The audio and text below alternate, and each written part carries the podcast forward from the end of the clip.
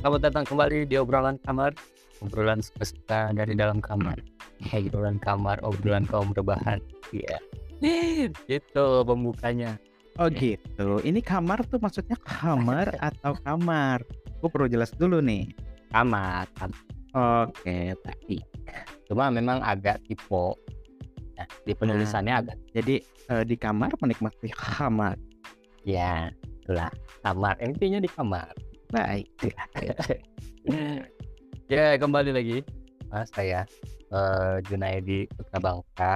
Putih. Eh, setelah sekian lama tidur di dalam kamar akhirnya kita mencoba untuk mengobrol kembali Hmm. kali ini saya ditemani oleh siapa ini coba tolong diperkenalkan Oke, panggil aja saya Willy. Wih. Billy Pramudia Anjir. Willy aja udah. Mau pakai nama panggung sang Willy takut pada kagak tahu juga siapa gue. oh iya dong pasti orang pada tahu itu dia Agak. selamat datang Kang Willy Kak Willy Iya. apa kabarnya di kamar Eh, di kamar di kamar kos gue sih agak panas ya, tapi ya wes lah. sehat-sehat ya nah Semoga.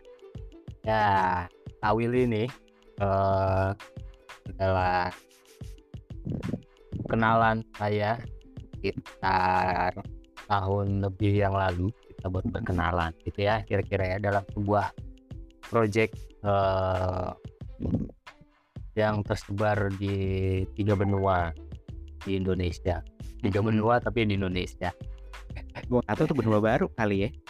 Iya benar, benua baru. Jadi Kawil ini latar belakangnya yang jauh dari kami. Beliau ini adalah seorang penari betul begitu? Eh, boleh- ya boleh lah disebut penari. Boleh nari-nari dibayar gitu ya kan? Kan Eh, beliau ini adalah penari juga master of ceremony anjay yang berasal dari dunia Depok tapi eh, kerja-kerjanya sudah di luar kan di luar-luar wilayah eh, di Indonesia. PJ gue. Kakak Willis sibuk apa? Sekarang Hmm, oh kalau sekarang sih eh, sibuknya mau menyelesaikan program yang akan habis setelah tahun. Wah, eh, terus eh, bersiap menapaki peran baru di eh, tempat yang baru mungkin. Terus eh, masih ikut beberapa kegiatan mengajar di beberapa eh, tempat sih kayak kerelawanan gitu. Wow. Tapi Will ini eh, kerjaannya eh, kerja-kerja apa kalau bisa dibilang? Kerja-kerja aktivisme kah? Kerja-kerja aduh gue bukan kesenian aktivis mohon maaf jangan keliru ya kan?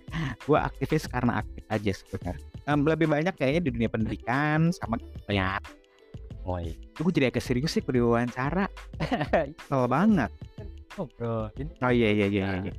iya iya ya nam obrolan kaum rebahan jadi mau Iya, sambil rebahan ya kan? Makan boleh.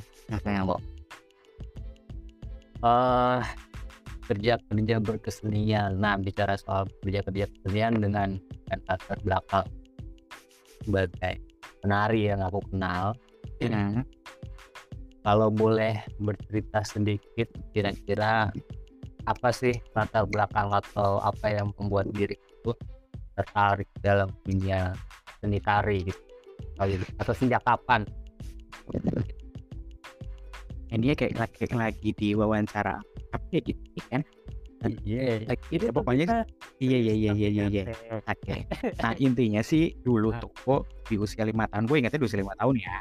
Mhm. itu tetangga depan rumah kakek gue tuh sering nyetel lagu Jaipongan. Itu dulu kan masih Umur zaman lima tahun tuh ya? Berapa tahun nih. Ya itu kan masih zaman zaman masih hitam putih tuh kalau TikTok. enggak enggak. Itu itu 15 tahun yang lalu. Oh oh siap. 15 tahun yang lalu tapi gue nyebutnya TVRI baru bisa kayaknya iya. jadi zaman nah, nah intinya sering banget muter yang namanya lagu Jaipongan di depan karena orang Hmm. Sunda kan orang Purwakarta ingat namanya Bu Tati gitu. Nah gue nggak tahu kenapa tuh ngikutin aja suara gedangnya gue ikutin gitu. Tariannya sih gue nggak paham tapi gue senang banget tuh deh tuh. Nah dari situ sebenarnya gue suka nari Hmm. itu apalagi kalau denger apa lagu yang ada gendang-gendang ya kayak dari lima tahun dah. Lima tahun. Tapi apa emang sebelumnya? Ya lima tahun terus dia sekolah. Hmm. nah apakah apakah memang begitu masuk sekolah dasar juga tetap wah gua masih senang tari nih atau sampai eh, SMP sampai SMA atau mulai sejak kapan mulai menyadari benar-benar memang wah kayaknya gue memang tertarik deh tari dari gitu dah Oh, gue tuh gue tuh emang dari suka nari pokoknya dari umur lima tahun berlanjut dari SD SMP SMP cuma di SD SMP gue gak pernah eh, ngikutin nari atau apa. Bukan bukan gak pernah ngikutin sih. Intinya gak terlalu sering. Karena satu gue cowok kan. Itu ada aja anggapannya ini kan kalau eh ya feminin lah apalah dan kalau kalau feminin juga emang apa. jadi em, gua waktu itu eh apa em, ya paling kalau TK ada ada apa pertunjukan nari ya gue ikut. Hmm. terus kalau SD em, ya pernah sih sekali gue kayak kelas 5 SD ya kelas 5 SD karena lebih banyak dibulinya kan gue. No karena kan eh, apa eh iya teh laki tapi eh, feminin depannya nari. Jadi gue nggak terlalu explore banget sebenarnya. Walaupun gue suka tuh kalau ada pertunjukan tari gue nonton. Gitu. Makanya dari SD gue kenal di Dini Towo lah gitu. Gue kenal Mimi Rasinah lah gitu. Hmm. tapi si aktifnya nari terus coba berkarya buat apa ya kayak pertunjukan dan lain-lain itu pas SMA mulai serius jadi? Ya mulai serius kayaknya. Misalnya oh ternyata bisa nih bikin koreografi. Oh ternyata nah, bisa nih koreografinya masuk di teater. Oh bisa nih satu sequence tari yaitu di teater tuh dulu gua di SMK Negeri 2 Depok tempat Ayu Ting Ting oh berarti kamu angkatan kakak kelas ayu tinggi tinggi ya kakak kelas Ayu Ting Ting tapi agak jauh bang Ayu Ting Ting ditanya juga nggak kan kali Oh iya iya iya. Oh berarti memang mulai mulai mulai seriusnya banget berarti ya setelah SMA ya. yoi Itu ikut sanggar atau apa gitu? Enggak, gue cuman ikut teater ya waktu itu. Cuman waktu itu teaternya ini tuh bukan maksudnya gini. eh, mungkin kalau teman-teman nonton teater ya eh, fokusnya mungkin di dramanya aja gitu ya. Hmm. Tapi nih teater gue ini tuh kayak bikin operator kabaret gitu. Suka Hmm. dubbing, ada beberapa lagu, sequence lagu itu ada tarian-tarian. Pokoknya persis kayak lu nonton film musical gitu atau musical atau nonton India. Hmm. Kalau belajar sendiri dari mana akhirnya? Ada ada guru sendiri atau Wah, jadi gue tuh waktu belajar nari ya, awalnya tuh gue nggak ini kak, maksudnya apa ya? gue tuh bukan dari orang yang kata walaupun bokap gue seniman, tapi eh, apa? em, ya karena keluarga besar nggak terus setuju gue nari, jadi gue nggak pernah dimasukin sanggar. Itu gue nari tuh ngeliat doang. Oke, kalau nari Jawa kebanyakannya begini, gitu. kayak oh nari Sunda kebanyakan ini ini dan ini gitu. Salah ya. Kalau nari India ini video ini itu gue belajar sendiri gitu. Karena gue karena satu kan pada nggak setuju kan keluarga besar. Yang keduanya kan dulu makan bayar ya belum masuk sanggar gitu. Bokap seniman seniman apa kalau boleh tahu? Ah, Iya keluarga bergerak di seni seni apa gitu mungkin. Eh, apa bokap gue tuh di dunia film. Tuh kakek gue pemusik gitu. Tapi di keluarga gue kagak ada yang jadi penari tuh mohon maaf nah jadi em, apa gue tuh belajar memang lebih ngeliat gitu loh kak. Kayak ya di TV kan tadi gitu. Kalau nari Jawa begini nari Sunda begini gue nggak tahu pakemnya tapi gerakan-gerakan yang paling sering ada tuh yang gue ngerti gitu. Jadi kalau gue bikin satu koreografi katakanlah dengan lagu tertentu ya gue mencoba memanfaatkan yang gue lihat tadi. Tapi tapi eh, ya itu kan di masa sekolah. Hmm. sekolah sekolah SD. Tapi eh, sejak kapan dirimu mulai serius? Betul-betul gitu. Nah jadi gue lulus, gue lulus SMA itu kan gue kagak kuliah ya gitu. karena gue pengennya biaya kuliah sendiri. Sombong gue pikir ternyata pikir biaya pendidikan Indonesia murah. Maksudnya itu bukan bawa barang mewah. Ternyata barang mewah ya kan? Mati lah gue nih mati kutukan gue eh, apa ya mau mau kuliah mau pakai duit sendiri tuh gak bisa ya intinya gue nge-MC tuh dulu karena SMA gue sering jadi jadi sering Oh, oke. MC sama temen gue. Nah terus ternyata pernah ada salah satu SD ini juga karena dari adik kelas gue yang pernah bilang kalau mau ini pertunjukan operet, tari-nari, drama kayaknya bisa nih gurunya Kak Willy. Hmm. Nah gue mulailah tuh ngajar. Nah dari ngajar-ngajar gue dapet duit kan. Ngajar Nari gue, ngajar nari, ngajar drama gitu. Hidup gue udah penuh drama padahal dari situ gue kumpulin duit baru gue belajar ke Sanggar. Pertama kali gue belajar nari di Sanggar secara spesifik namanya adalah Sanggar Tari Topeng Mimi Rasinah di Indramayu. Oke. Oh iya iya iya. I gitu karena gue ngefans banget dulu sama Mimi Em, terus entah kenapa gue gue dapat kontak cucunya yang meneruskan meneruskan tari topeng itu nah dari situ gue belajar jadi secara spesifik gue belajar pertama kalinya dengan guru itu di sanggar seni tari topeng Mimi di. Nah, tapi dari dari eh ya tahu kan tari juga juga banyak macam-macamnya gitu ya. eh ini ya ini ini aku juga berdasarkan penglihatanku gitu. Kenapa dirimu lebih tertarik pada tra- tari tradisional ketimbang modern band? Atau jangan-jangan aku salah? Dirimu senang keduanya? Kalau pakai skala sih lebih suka tari tradisional sebenarnya gue gitu. Karena kayaknya uh, bukan karena kayaknya sih karena memang um, itu lebih dekat dengan culture-nya gue Hmm. kan gitu. Jadi kalau bahasa Indonesia mah sekaligus melestarikan budaya Indonesia gitu. Tapi ada kesulitannya kalau di tari tradisional kan. Ah. Eh, dia tuh udah ada pakem gitu. Oke. jadi pakem-pakem ini yang membuat eh, tubuh lo ngikutin pakem tersebut.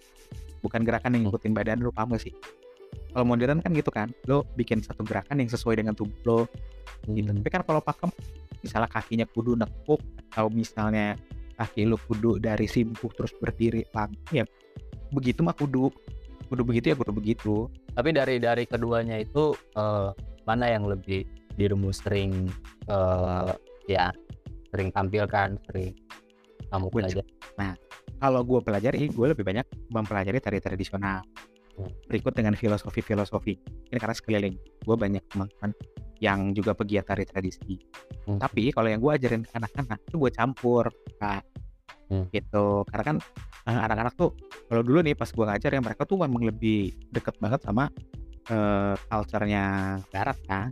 Gue baru denger lagu Kak. Gue lagi baru denger lagunya eh, Wiz Khalifa kayak siapa dan segala James Porter dan lain-lain. Nah gue suka modifikasi tuh gitu. Jadi pertunjukan yang gue buat tuh tari tradisi dulu gitu. Atau tarik kreasi and then baru mereka ubah kostum jadi tari modern Kalau ini mungkin pertanyaan bodoh ya, tapi karena aku Sebut- sama bodoh lu. bodoh gue dengan buta dengan dunia tar- tarian. Karena di seni tari tradisional itu kita nggak bisa sembarang berubah gerak atau menggabung-gabungkan tarian gitu kan ya. Beda dengan maksudnya beda dengan modern yang kamu bisa bergerak apa bergerak apa. Iya, tari tradisi tuh nggak bisa diubah. Kayaknya hanya bisa diubah sama yang buat gitu. Makanya Ah. kalau tari topeng Mimi Rasina tuh kan sebenarnya tari topeng tuh durasinya panjang hadir yang 20 menit, 30 menit atau bahkan sejam. Gitu. Nah, sebagai bentuk inovasi berkesenian gitu, teh eh, apa eh, cucunya Mimi Rasina penerus tari topeng kayak Indramayu em, itu dia sih akhirnya mengkat gitu yang harusnya misalnya katakanlah puluhan menit jadi cuma tiga menit 50 detik misalnya itu itu dia lakukan tapi yang melakukan dia si pencipta sendiri si penerus tradisinya sendiri gitu jadi kalau standar tari pakem-pakem yang mungkin penciptanya udah nggak ada atau penerusnya nggak ada tapi diteruskannya cuma dari sanggar ke sanggar jadi nggak bisa diubah Yang dimaksud menciptakan tari itu apakah keseluruhan gerakannya atau apa sih? Kalau misalkan kayak eh, Hmm. gua sederhana melihat seniman band Hmm. gitu kan dia dia menciptakan lagu akan intonasi-intonasi lagu. Hmm. Menciptakan liriknya yang berbeda daripada lagu-lagu yang lain. Nah, kalau dalam tari itu kayak gimana? Dia menciptakan apa? Selain gerak kalau tubuh? kalau tari tradisi ini yang gue lihat langsung. Bukan gue lihat langsung nih gue tahu. Tapi tapi ini bisa macam-macam. Yang gue tahu itu eh, dari ketukan gitu ya. Katakanlah ketukan gendang terus juga Oh. lagu eh, intro ya lagu de notasi lagu dan segala macam. Itu bahkan si penarinya juga gitu eh si pembuatnya juga Ya berarti sama kayak musisi juga gitu ya, dia menciptakan irama-iramanya juga ya. Dia nyiptain irama, dia nyiptain lirik kali ya. Dan Hmm. sama Berarti memang seragam itu ya dari maksudku ya aku melihat tari topeng ya tari topeng gitu satu. Tapi ternyata ada turunan dan jenisnya bisa dibilang. kalau tari topeng Indramayu itu ada lima memang melambangkan eh, kehidupan manusia ya Hmm. dari tari topeng Panji yang menggambarkan kelahiran terus tari topeng anjir gue lupa tari topeng Samba yang eh, menggambarkan keluguan eh, anak-anak gitu. Terus eh, Tumenggung yang udah dewasa gue lupa terus lagi apa gitu. Terus eh, akhirnya ada tari topeng Kelana yang telah menggambarkan eh, hawa nafsu manusia gitu. Jadi tuh oh, sama Rumyang sorry Rumyang tuh kayaknya antara gue lupa susunan lagi pokoknya intinya ada lima lah itu yang memang menggambarkan proses kehidupan. Manusia Kenapa akhirnya dirimu bergabung di tangga tari topeng Mimi Rasina? gue tuh Apakah fans memang sebelumnya kenal? gue tahu soal tak dulu tuh ada kisah sebenarnya orang nenek tua yang memang berjuang untuk melanjutkan tradisi topengnya namanya Mimi Rasina ngefans lah tuh gue ngeliat dia nari ngeliat dia apa. Dulu gue pernah bersumpah sama diri gue gue inget banget di SMP pokoknya kalau pertama kali gue nari gue belajar nari gue kudu nari ke Mimi Rasina ceritanya Bel, tapi Mimi Rasina itu wafat tahun 2010 betul. sementara gue eh, ketemu cucunya 2013 jadi tiga tahun setelah Mimi Rasina nggak ada gue baru bisa belajar. Ya, bel- beliau kan menari dari zaman belum Indonesia merdeka bukan? ah iya betul. Terus sempat berhenti kan? Karena kan eh, apa kesenian tradisinya dia naik turun kan? Sampai akhirnya dia jual beberapa topeng-topengnya terus dia ngasuh anak sampai akhirnya diketemukan Pak Endo. Gue lupa ya kayaknya kalau Pak Endo salah satu dosennya eh TSI Bandung Pak Isbi dulu. Itu STSI. Nah, ya STSI terus akhirnya eh, apa me- apa ya mengharapkan Mimi ke Bali gitu untuk menari. Oh, nah dari situ gue ngerasa, ini keren banget ya bosku. Ini orang udah tua satu, terus kondisi ekonominya juga bukan kondisi ekonomi yang katakanlah sejahtera gitu, tapi eh, masih mau gitu apa ya ngambil balik passionnya dia gitu, terus nularin semangat ke orang-orang. Dan terus dia tuh kan tua ya emang udah tua gitu. Tapi kok udah pakai topeng kayak berubah aja gitu. Dan gue tuh pengen ngerasain itu gitu. Berubah di panggung jadi sosok yang benar-benar berbeda. Tapi selain selain tari topeng yang dirimu pelajari langsung gitu, kamu mempelajari tari-tari yang lain nggak? gue kemarin mencoba mempelajari tari jaipongan ceritanya nah, di eh, apa namanya? Di juga lah pencipta tari jaipong. Kan Pak Gugum Gumira ya almarhum Pak terus eh, apa sekolahnya juga lah. Tapi em, Karawang itu berbarengan sama gue kerja waktunya tuh agak lumayan mepet yang pertama. Kemudian yang kedua adalah ah, em, apa?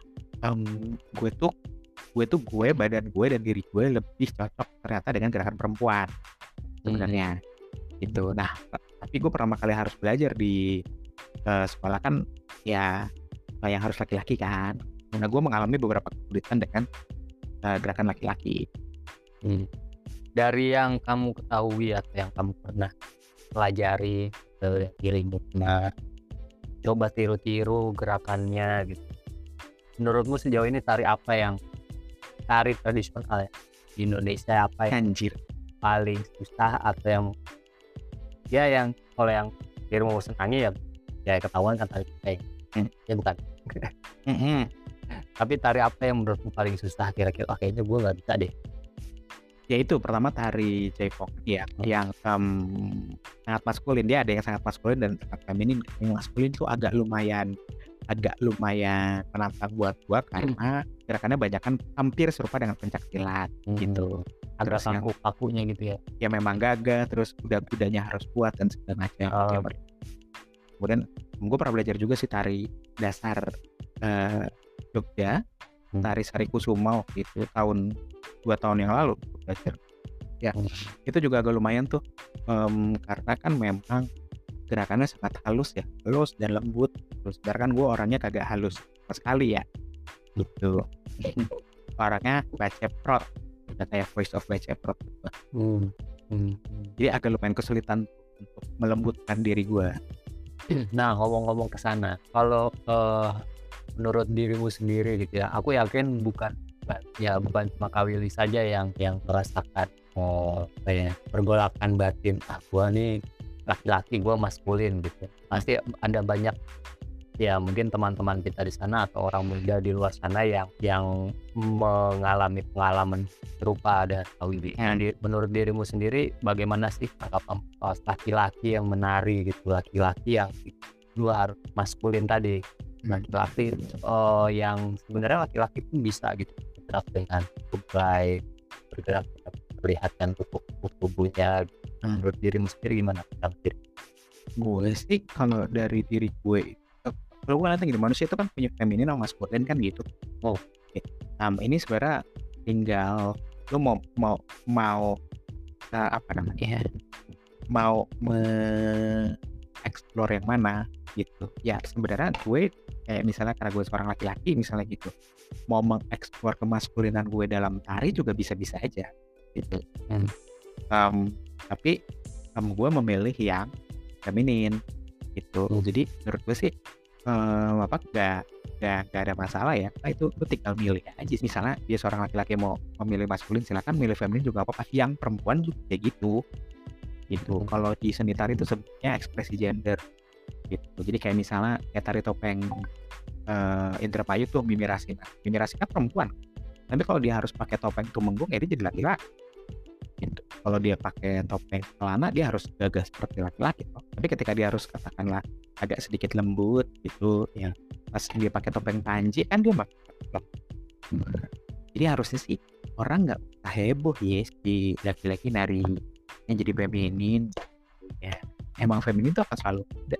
Maksudnya feminin maskulin kan selalu ada, yin yang gitu. Mhm. Iya. Apa ya, gue jadi mau nanggepin. Jadi jadi serius banget ini obrolan.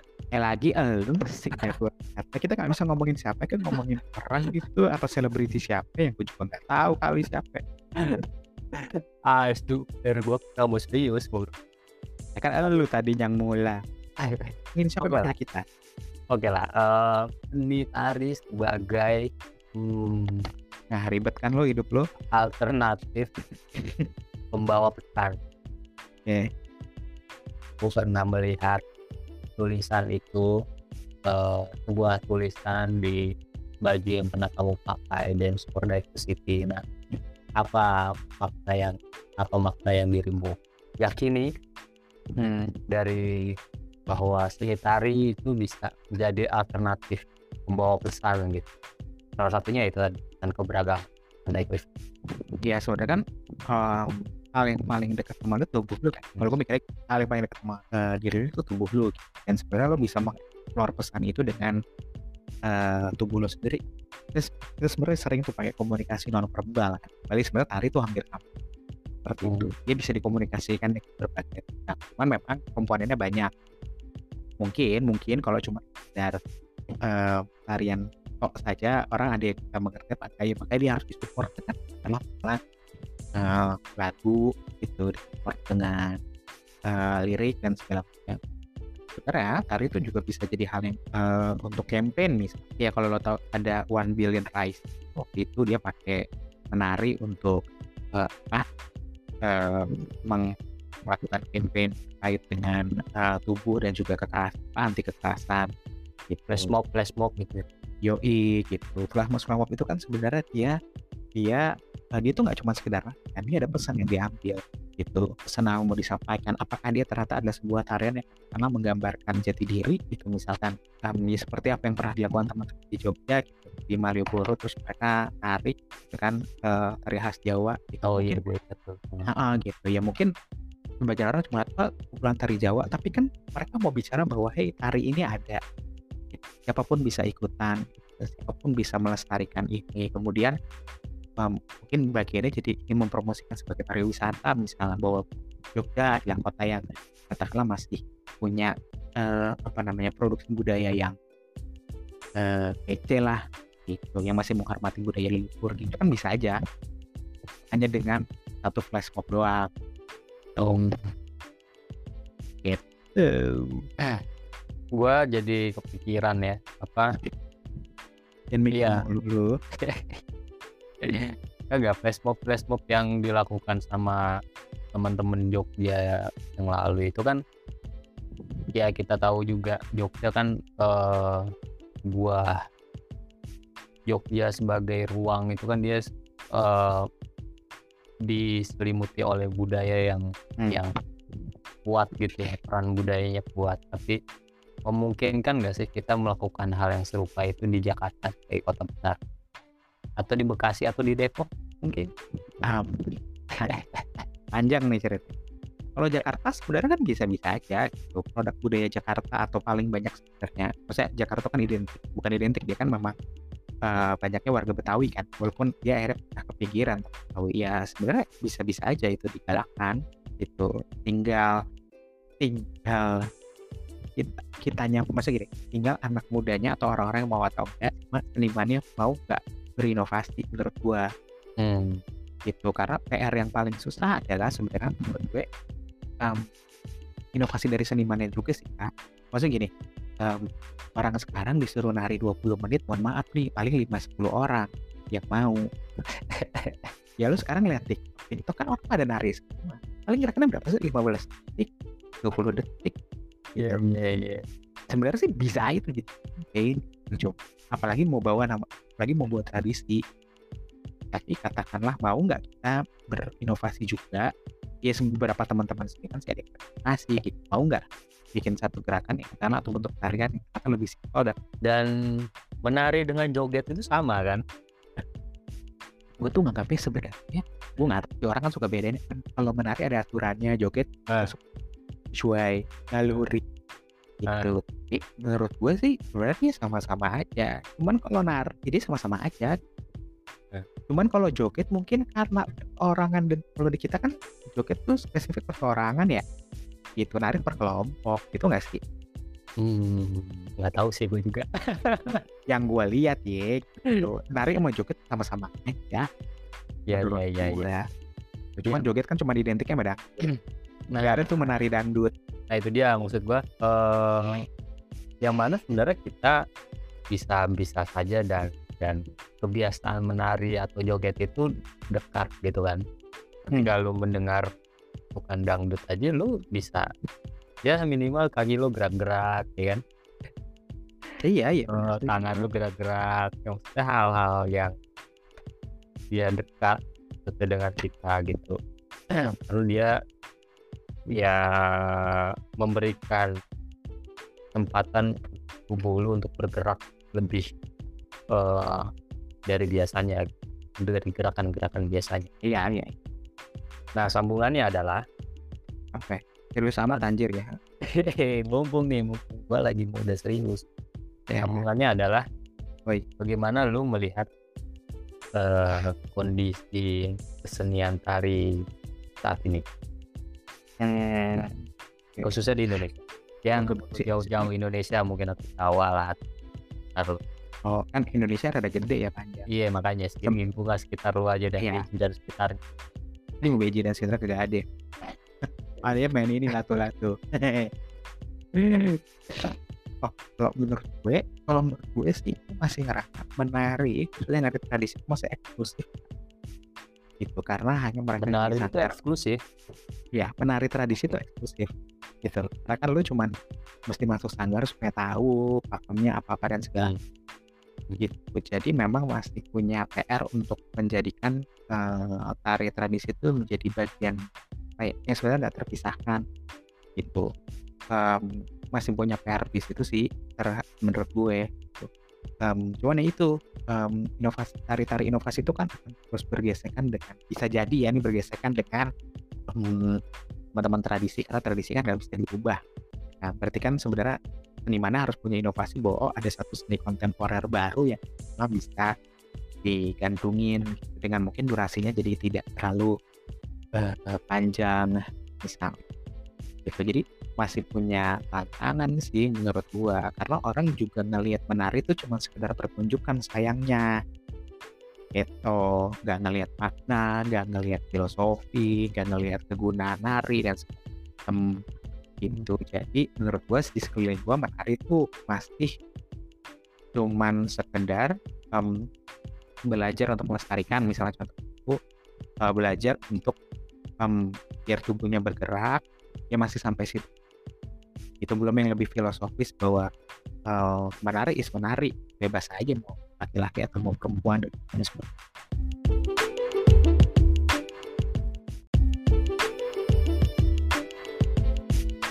ya dengan dengan kondisi yang kayak gitu gitu ya nah, eh, dirimu sendiri kan masih masih ya maksudnya masih punya sharing dan eh, berteman dekat dengan para penari-penari nih. Betul nggak? Ya kan? Nah eh, ada nggak sih? Ya pasti ada. Gue nanya gue jawab sendiri. Hmm, tapi gimana? eh, Ini show lu? ada ada nggak eh, upaya-upaya ya? Ya dirimu dan teman-teman ataupun giat-giat tari di sana untuk mengkampanyekannya ini tadi nih mengenalkan kembali misalkan tari-tari tradisional gitu.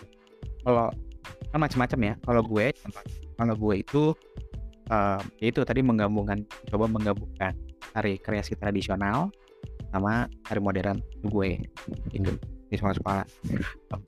Kalau di salah satu sanggar yang pernah gue ikutin gitu katakanlah em, dia nggak mandang gender tuh. Kalau misalnya dia laki-laki mau nari tarian perempuan silakan. Pun sebaliknya. Yang itu udah dilakukan juga oleh eh, teman-teman. Terus ada juga kalau lu tahu latar budaya itu itu pakai beberapa tari tradisi yang katakanlah mungkin tari eh tari kreasi lah gue tepatnya tari kreasi yang tari kreasi itu kan tari tarian terbaru yang dibuat eh, eh, apa ya, terinspirasi dari tari itu kan banyak sebenarnya. Nah itu eh, diaktifin tuh dia pakai ruang publik gitu dia pakai mall dia pakai museum gitu.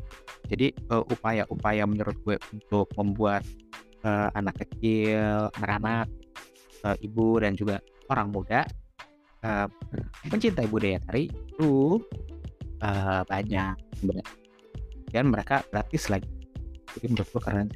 Sempat pernah berpikiran kayaknya gua pengen coba nari ya it- itu pikiran gua ketika tahun dua tahun lalu sebenarnya kayaknya gue pengen bisa nari deh.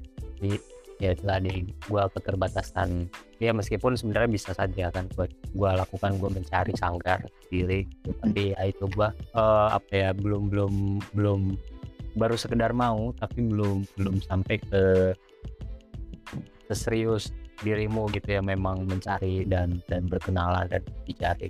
Karena sebenarnya ya gue kayak kemarin gue pernah eh, datang pas ke museum nasional itu. Hah? di di, di dekat Monas di Jakarta. Datang ketika eh, ternyata kan eh, di Nini Towo punya sanggar tari yang di mana tiap minggu mereka latihan di situ. Hmm. di museum nasional mungkin ya lu pasti tahu kan Hmm. ini kegiatannya. Dan gua melihat eh lebih banyak perempuan yang di situ. Hmm. gua di situ merhatiin cuma ada satu penari laki-laki yang ada hadir ikut latihan di situ. Dan ya maksud gua begitu ngeliat itu juga wah kayaknya pengen bisa deh kayaknya. Gua walaupun gua nggak tahu ya kan kayak gimana.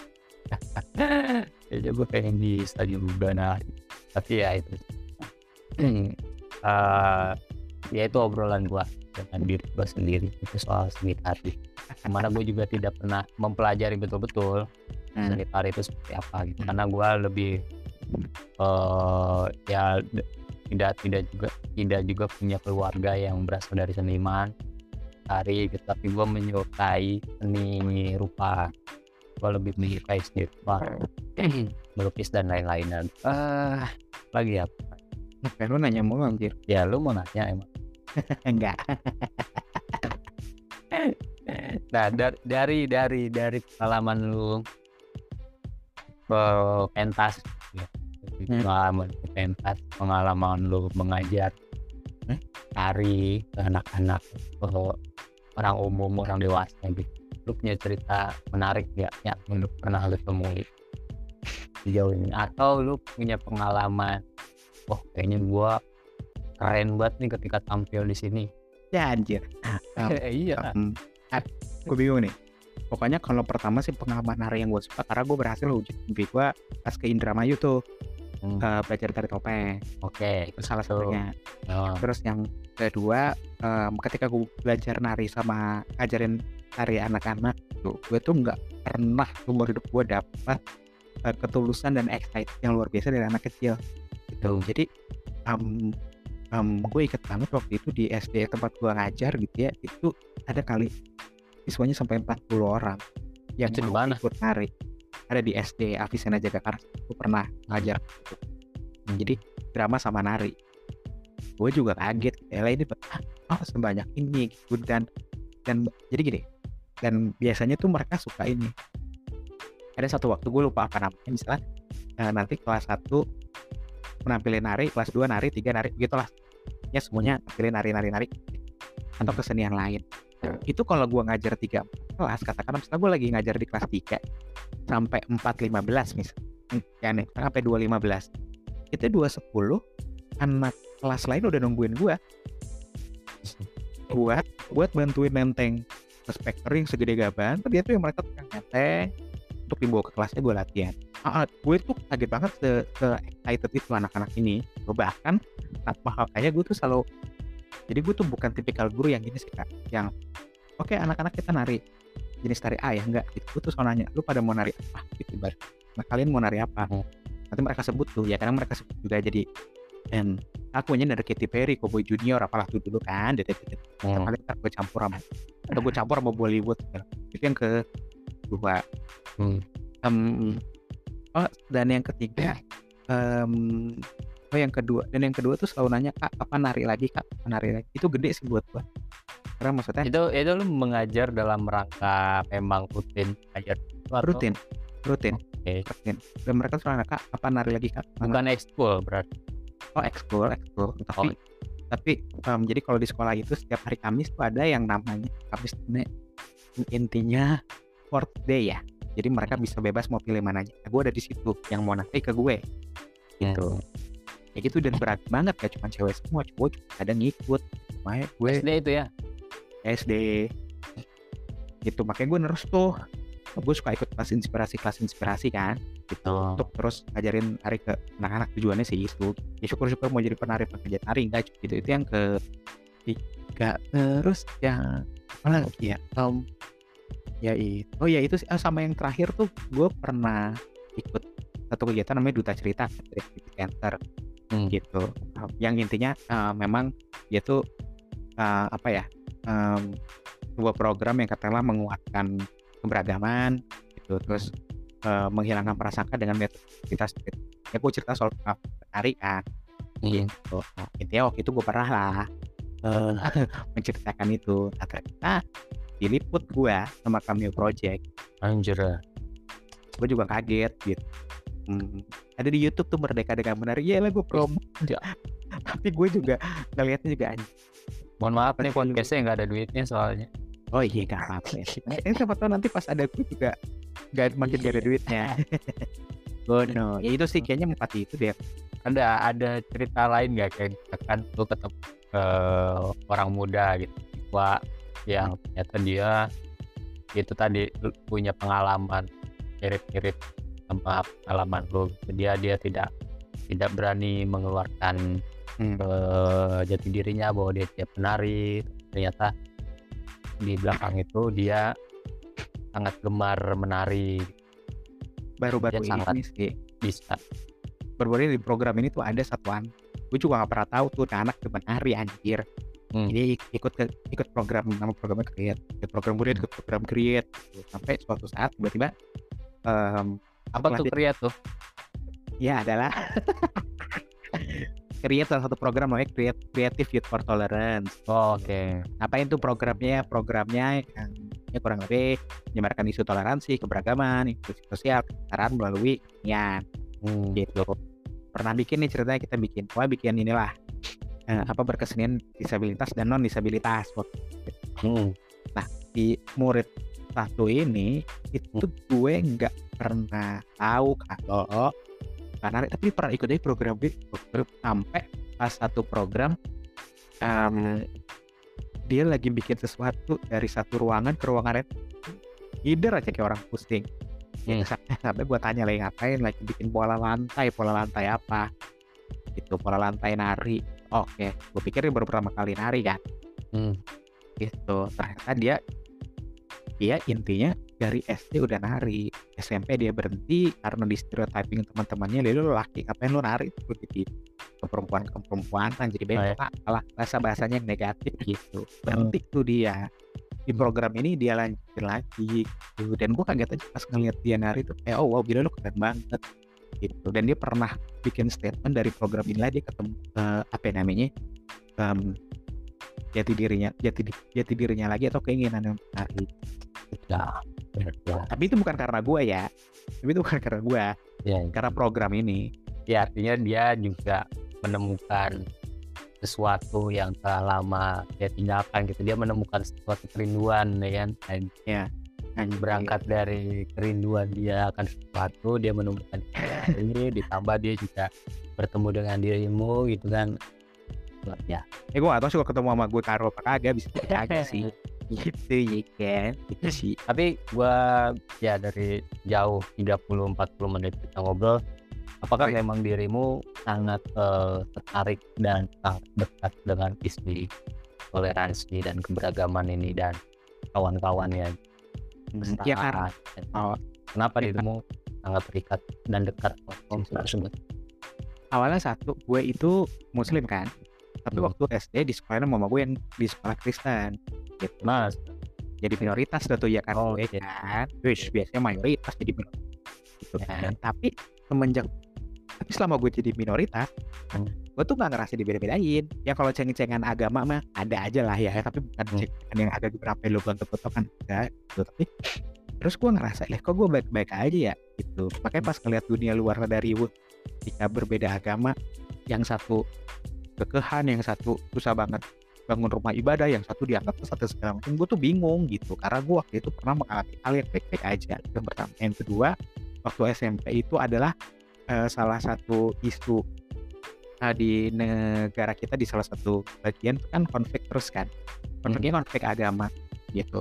Terus keluarlah ke apa namanya oh no majalah-majalah yang uh itulah tentara langit melindungi itu. Pokoknya jadi tambah tambah runcing deh itu masalah tuh Em, ya terus awalnya gue mempertanyakan kan sebenarnya agama mana sih yang paling benar dan segala Hmm. Nah, gue tuh punya bokap kambung yang memang eh, latar belakang pesantrennya lumayan kuat. Jadi punya latar belakang pesantren, latar belakang lumayan kuat. Ya terus gue nanya dong soal perbedaan yang terjadi kenapa yang berbeda dan segala macam. Ya bokap gue tuh cuma bilang kalimatnya adalah lu tiap hari belum berkegiatan atau mau ngapain disuruh bacanya apa? Gue bilang baca Bismillah. Hmm. Bismillahirrahmanirrahim artinya apa dengan nama Allah yang maha pengasih lagi apanya maksudnya apa? Dia kan nanya dia mau nanya gitu. Gue tanya dia nanya balik kan bang. Dia, dia cuma bilang bahwa ya lo harus mengimani mengimani sifat Tuhan yang Rahman dan Rahim yang kasih dan sayang itu sesederhana itu sebetulnya nah dari situ gue mikir lah oh iya juga ya gitu. Jadi gue pikir ya ketika lo mengimani eh, sifat Tuhan yang eh, Rahman dan Rahim ya lo bisa jadi rahmat kan buat orang lain. Kalau di Muslim dari situlah sebenarnya gue ngerasa oh iya ya kita bisa aja berdampingan. Ya masalah benar atau tidak em, salah atau tidak juga nggak bisa pakai kacamata kita gitu. Em, Hmm. apa ya lo bisa bilang agama lo paling aku juga bisa bilang agama lo paling yang lain juga bisa bilang kepercayaan yang paling benar gitu. Tapi kan apa hanya karena itu doang itu jadi berantem agak. Nah, dari situ sih sebenarnya gue tertarik. Tuh dan karena gue ketemu juga banyak ketemu dengan teman-teman yang latar belakang beda-beda gitu gue ngerasa sebenarnya mah konflik itu pasti ada gitu tapi kan gimana akan menyelesaikannya gitu Oke, tarik nafas. Eh, hati kita sudah mulai bicara serius. dari tadi anjing serius mon gue udah kayak lagi diwawancara jadi putri Indonesia Putri Beji gue Jadi mohon maaf ini. Nah, sekarang hmm, Mana? lagi ya. oke bukannya udah tahu apa apa tentang gue Sudah tahu itukah saya? tahu lalu gue doang aja nggak tahu pacar lu yang Oke. By the way, ya. Mau nanya lagi. Dari dari dari eh, beragam penari apa ya bisa dibilang maestro-maestro tari atau penari-penari senior ya selain mungkin tadi eh Jimmy Rasina gitu eh penari asal Indonesia yang menurut lu paling keren atau dirimu favorit kali gitu. Hmm, di gue sih tiga. Yang yang gue tak yang gue tau udah pernah, pernah ketemu ya. Hmm. um, Bimi Rasida gue pernah ketemu ya. Cuma cuci doang. Oh, eh, yang di Dini Towo hmm. uh, satu lagi Mas Rianto. Hmm. eh Lenggerland kayak cita-cita gue tuh pengen belajar Lenggerland kalau yang di Dini Towo gue nggak tahu ya. Gue pernah ngobrol sih kak sama dia. Maksudnya dari habis Isya berarti jam 7 kan gitu ya sampai jam 8 waktu Jogja kita ngobrolin soal nari itu juga gara-gara gak sengaja gitu. jadi kan di program ini ya gue mau belajar tentang ini dong ragam ekspresi gender dalam tari kan Hmm. gitu. Ya gue mau belajar langsung. Hmm. dan gue nyari bukunya. Bukunya tuh yang cuma ya pernah meneliti atau punya kumpulan esai soal itu atau jurnal itu yang di intinya ceritanya gue sebenarnya kesono cuma pengen beli buku dia doang. Oke. Tuh aja Lu disuruh tempatnya dia langsung. iya tohnya disuruh nongkrong. Intinya datang intinya yang Didi bilang kamu datang lagi abis isa saya tunggu saya mau mau bicara. Gitu. Ya siapalah gue ya kan? Ngobrol akhirnya ceritanya. Itu ya seumur hidup gue eh, ngefans sama yang Didi Nuni Tawo tapi itu orang humble-nya minta gue pengen ngeliat Seneng juga sih, wow serius melihat dia. jadi gue tuh sampai yang hah? Am, ini yang di Dini Tawo yang gue kagum dia memang sehambal itu sehambal itu ngasih ilmu Mas. sampai gua nanya. Gue ya kita ngomongin soal tarian. Hmm, Baranatayam India Kataknya India ngomongin um, apa lagi nih ya culture culture yang dia ikutin dan segala macam. Terus dia ngasih ilmunya ke gua. Bukan ilmunya maksudnya um, ya gua menanyakan yang apa yang harus dilakukan ketika lu mau belajar. Maksudnya belajar sesuatu karena gua ngeliat dia kan terkenal. Ya, ya gua nggak ya nggak ada seujung pupilnya ya kan? Gitu. Ya dia ngasih ilmu itu. Dia ngasih kalimat itu jadi setiap gua mau latihan nari atau apa gua pasti ingat banget pesannya itu. Lu masih suka kontak-kontakan sama dia? hmm, masih kalau dia lagi posting posting ah Kalau kita undang saja malam ini atau gimana? nah, boleh kalau mau langsung sebenarnya waktu itu pernah diundang di program ini tuh bukan eh, di program yang gue lakukan tapi bukan gue yang undang. Kalau kalau dari luar negeri ada nggak? Walaupun gua nggak kenal gitu. di luar negeri gue tuh gue, gue kan jarang berkiblat di sono sih ya buat nari ya Oh. Kamu kiblatnya ke mana? Ke Tenggara ya. Enggak gue kiblat ya gue kiblatnya ke eh, Mekah. Ke Mukaroma oh kalau luar gue tuh oh ada sih namanya ada dua nih. Em, Tadi udah ada. Iya gue baru inget kan gue suka lupa namanya juga manusia Al Alfa Alfa Pendomaret nggak tahu. Em, namanya Pandit Birju Maharaj eh, sama Madhuri Dixit ini Madhuri Dixit tuh ya kalau yang lahir sebelum sebelum gue pasti tahu. Ada gak usah diomongin. Pokoknya intinya dia salah satu bintang Hollywood yang memang ternyata dia juga seorang penari katak gitu. Nah Nanti gua- tarik katak tuh apa itu? tari katak tuh tari tradisional ya ke India yang ya konsentrasi gerakan di kaki. Oh, tapi eh, eh, di, di di semua gitu. Tapi di kaki dia pakai apa namanya? Pakai bel gitu pakai apa namanya? Rincingan kali bahasa kita gitu ya. Dan dan apa eh, setiap lirik yang dinyanyikan itu ada gerakannya sendiri ada gerakannya sendiri. Gitu. nah. Beda dengan berenang gaya katak itu ya. eh, beda.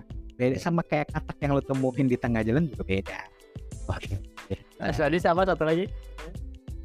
Eh, Madhuri Dixit Oh, itu sama sama orang dari dia dari India juga lo nggak tahu ya? Ya duh gue jadi ketahuan deh Nah, usia mohon maaf nih.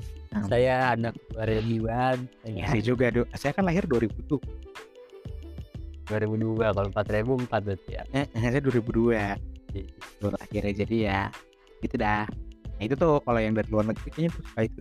Soalnya their expression maksudnya nari nah, mereka tuh nari bukan cuma sekedar motion tapi juga emotion. Jadi asik sih Oh.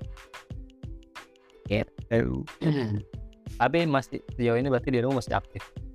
Nah, lihat. Oh. eh, Hmm. pentas-pentas gitu. Kalau ya kalau pentas terakhir sih Desember kemarin. eh, hmm, sesuai panggilan gue.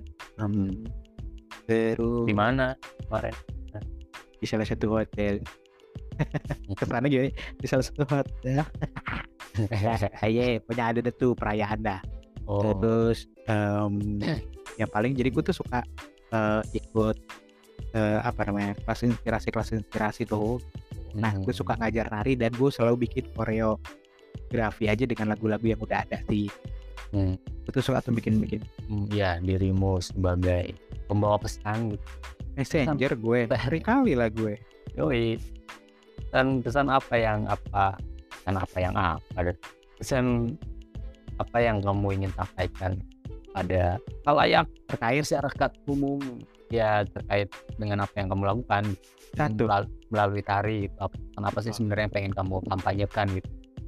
Satu Selain- keturunan Maha Esa. ya Pancasila dong. Ah, ya.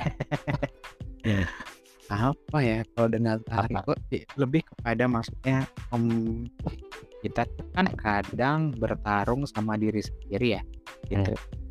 Tentang eh, tubuh dan penerimaan tubuh gitu. Hmm.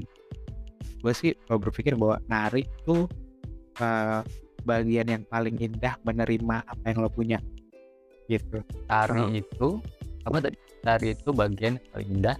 Menerima apa yang lo punya gitu. Mau bentuk tubuh lo kayak apa sebenarnya lo nari fine fine aja. Oh, gitu. Jadi maksudnya ya menari itu kan nikmatin tubuh lo kan? Ya. Hmm, hmm. akan lo cuman kan kadang karena kadang kita tuh terpakunya sama nari tuh ngelihatnya penari kan nari profesional. Ya jelas lah dia lentur ya jelas lah dia tekniknya bagus standarnya Sebenarnya- berbeda gitu ya? Ah, standarnya beda. Gitu. kalau misalkan nari dengan gaya lu mau mau itu aku mau itu apa dan segala macam menurut gue itu cara yang paling indah. Lu nerima bentuk tubuh lo gitu. Mau lu katakanlah mungkin bertubuh yang gemuk gitu perutnya buncit tapi kalau em, lu mau nari dan nikmatin kebuncitan lo why not? Misalkan ada yang tinggi terus juga bentuk tubuhnya lebih kurus misalnya. Ya lo mau menikmati itu dengan nari ya monggo. Nari itu cara yang paling asik nikmatin semua lekuk yang lo punya. Jadi nggak pernah ya aku juga nggak pernah yang gue oh ini yang pernah dibilang sama Teh Harley ya. Teh Harley Rasina tuh cucunya Meme Rasin Hmm. gue tuh suka bilang gue, gue pernah bilang ini waktu nari Teh gerakan aku beda sama Teh Teh gerakan aku kok beda sama si B dong gitu. Teh kok gue nari gerakannya begini tapi beda sama Geril? Dan gue ingat banget dia tuh bilang gitu "Em, bentuk tubuh orang beda gerakannya pasti beda nggak apa-apa. Itu satu. Harley kedua gue juga ngomong gue nanya um, Eyang di Towo gitu. Em, apa Eyang tapi aku takut kalau misalnya gerakanku nggak sama nggak ada yang minta gerak bergerak karena tiap orang bentuk tubuhnya beda-beda. Itu yang Didi ngomong. Ketiga Mas Rianto juga ngomong gitu. Kayak misalnya Mas Rianto kan Legerland gitu. Jadi geolan dia emang luar biasa. Kadang misalnya geol gue beda. Gitu tanahnya hmm, Mas Ri geol. Jadi gue pernah secara online latihan. "Eh, Mas Ri aku nggak bisa geol yang sama. Dia nggak nggak harus nggak harus sama gitu. Semua orang tuh punya punya apa? Punya keindahannya masing-masing. Jadi ya nari-nari aja sesuai dengan yang punya jadi tiga dari maestro ini gue pegang. Makanya gue kalau ke siswa-siswa gue gitu kak aku masih kaku nari aja kak. Aku nggak sama nari aja apa ini bukan tentang tentang lu katakanlah kayak baris berbaris yang kudu sama ini tentang nikmatin tubuh lo jadi konsep nari yang gue jalanin ke siswa-siswi gue siswa-siswi udah kayak orde baru siswa dan siswa perempuan udah kayak program nih gue lagi inget. Program gue takut kena sama gizi spesialis gue itu gitu jadi pesannya adalah tiap orang pasti beda. Ya nggak apa-apa.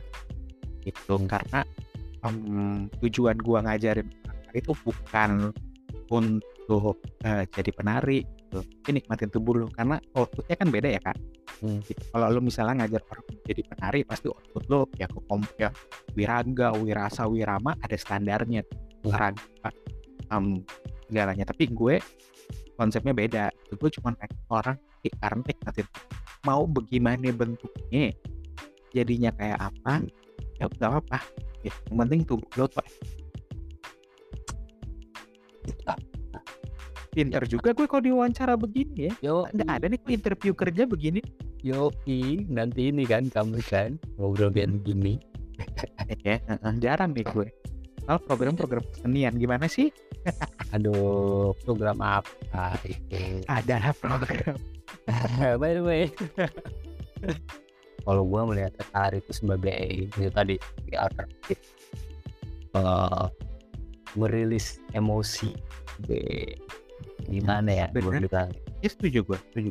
Gue ya? itu kalau lagi suntuk, kalau lagi sedih, ini gue ya orang lain kan bisa beda-beda. hmm. Kalau gue nggak bisa nangis, gue tuh susah, susah banget nangis karena gue apa dibesarkan menekan emosi. Jadi jadi inner child panjang nih diskusinya. Tapi intinya gue tuh kata ya itu kali ya gue eh, kalau mau nangis, gue nangis sambil hari dan dan itu melegakan. Betul. Ya. Cuman gue belum dapat konsepnya buat em, apa namanya teman-teman ya gue jadi pengen ini sih ke depannya sih belum bicara harapan gue ya Saya udah kayak teteri anjing iya. Nggak karena ya apa harapan pengen. bapak? ya, apa harapan bapak di harapan saya sebagai Indonesia gitu. ya intinya kalau gue tuh sebenarnya pengen punya konsep em, ya gue sebenarnya punya konsep ini udah lama tapi belum pak ini gue istilah namanya nariu. Ya gue cuma pengen gue nari cara pengen nari itu karena output output eh, nari yang diajarin dari kecil itu kan pasti nari buat 17-an sama dengan pentas kan. Hmm, betul. Atau nari buat dapet nilai di sekolah gitu. Maka lo harus memenuhi standar-standar tertentu. Nah gue cuma pengen ngajarin gue akan ngajarin di geraknya gitu. mau nanti bentuknya kayak gimana karena bentuk bentuk beda-beda it enjoy it aja.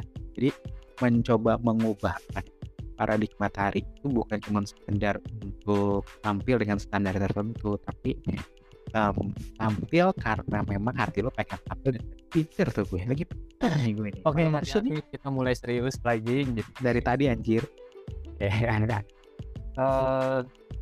Eh, Oke, oke, oke. Nah, eh, lu biasa ketemu gue nggak pernah nanya gini banyak iya dong. Karena ya karena kan gua tidak pernah punya kesempatan ngobrol sama anjir ada banyak Iya, udah.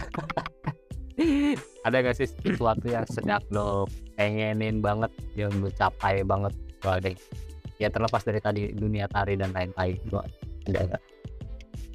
gue tuh kayaknya ini main khayal-khayalan ya mainannya berarti Main layar. ini main khayal-khayalan Iya, eh Bas. Eh juga kita gue ngayal gue punya sangkar tapi sangkar ini. bisa dipakai bukan cuma buat latihan nari doang buat teman ingin berkreasi tapi tempat kita kan sedikit banget ya ruang publik Hmm. em, yang mempersilahkan orang mudanya untuk mungkin belajar sesuatu. Contohnya nari dan budaya lain misalnya. Jadi silahkan. Gitu bisa di sanggar gua. Terus gue pengen belajar tari lengger. Hmm. lengger lanang gitu gara emang oh ya jadi em, dari pencarian gua kak kan hati karena sih yang sangat gua yang sangat sangat banget- bukan sangat gua banget tapi yang kayaknya oh harusnya ini yang gue pelajari dari dulu gitu ya Hmm. Ya, tari lengger nih Hmm. so, karena memang khusus uh, orang laki-laki yang berubah um, ekspresi gender yang jadi perempuan ya. Um, terus dia nari dengan gerak feminin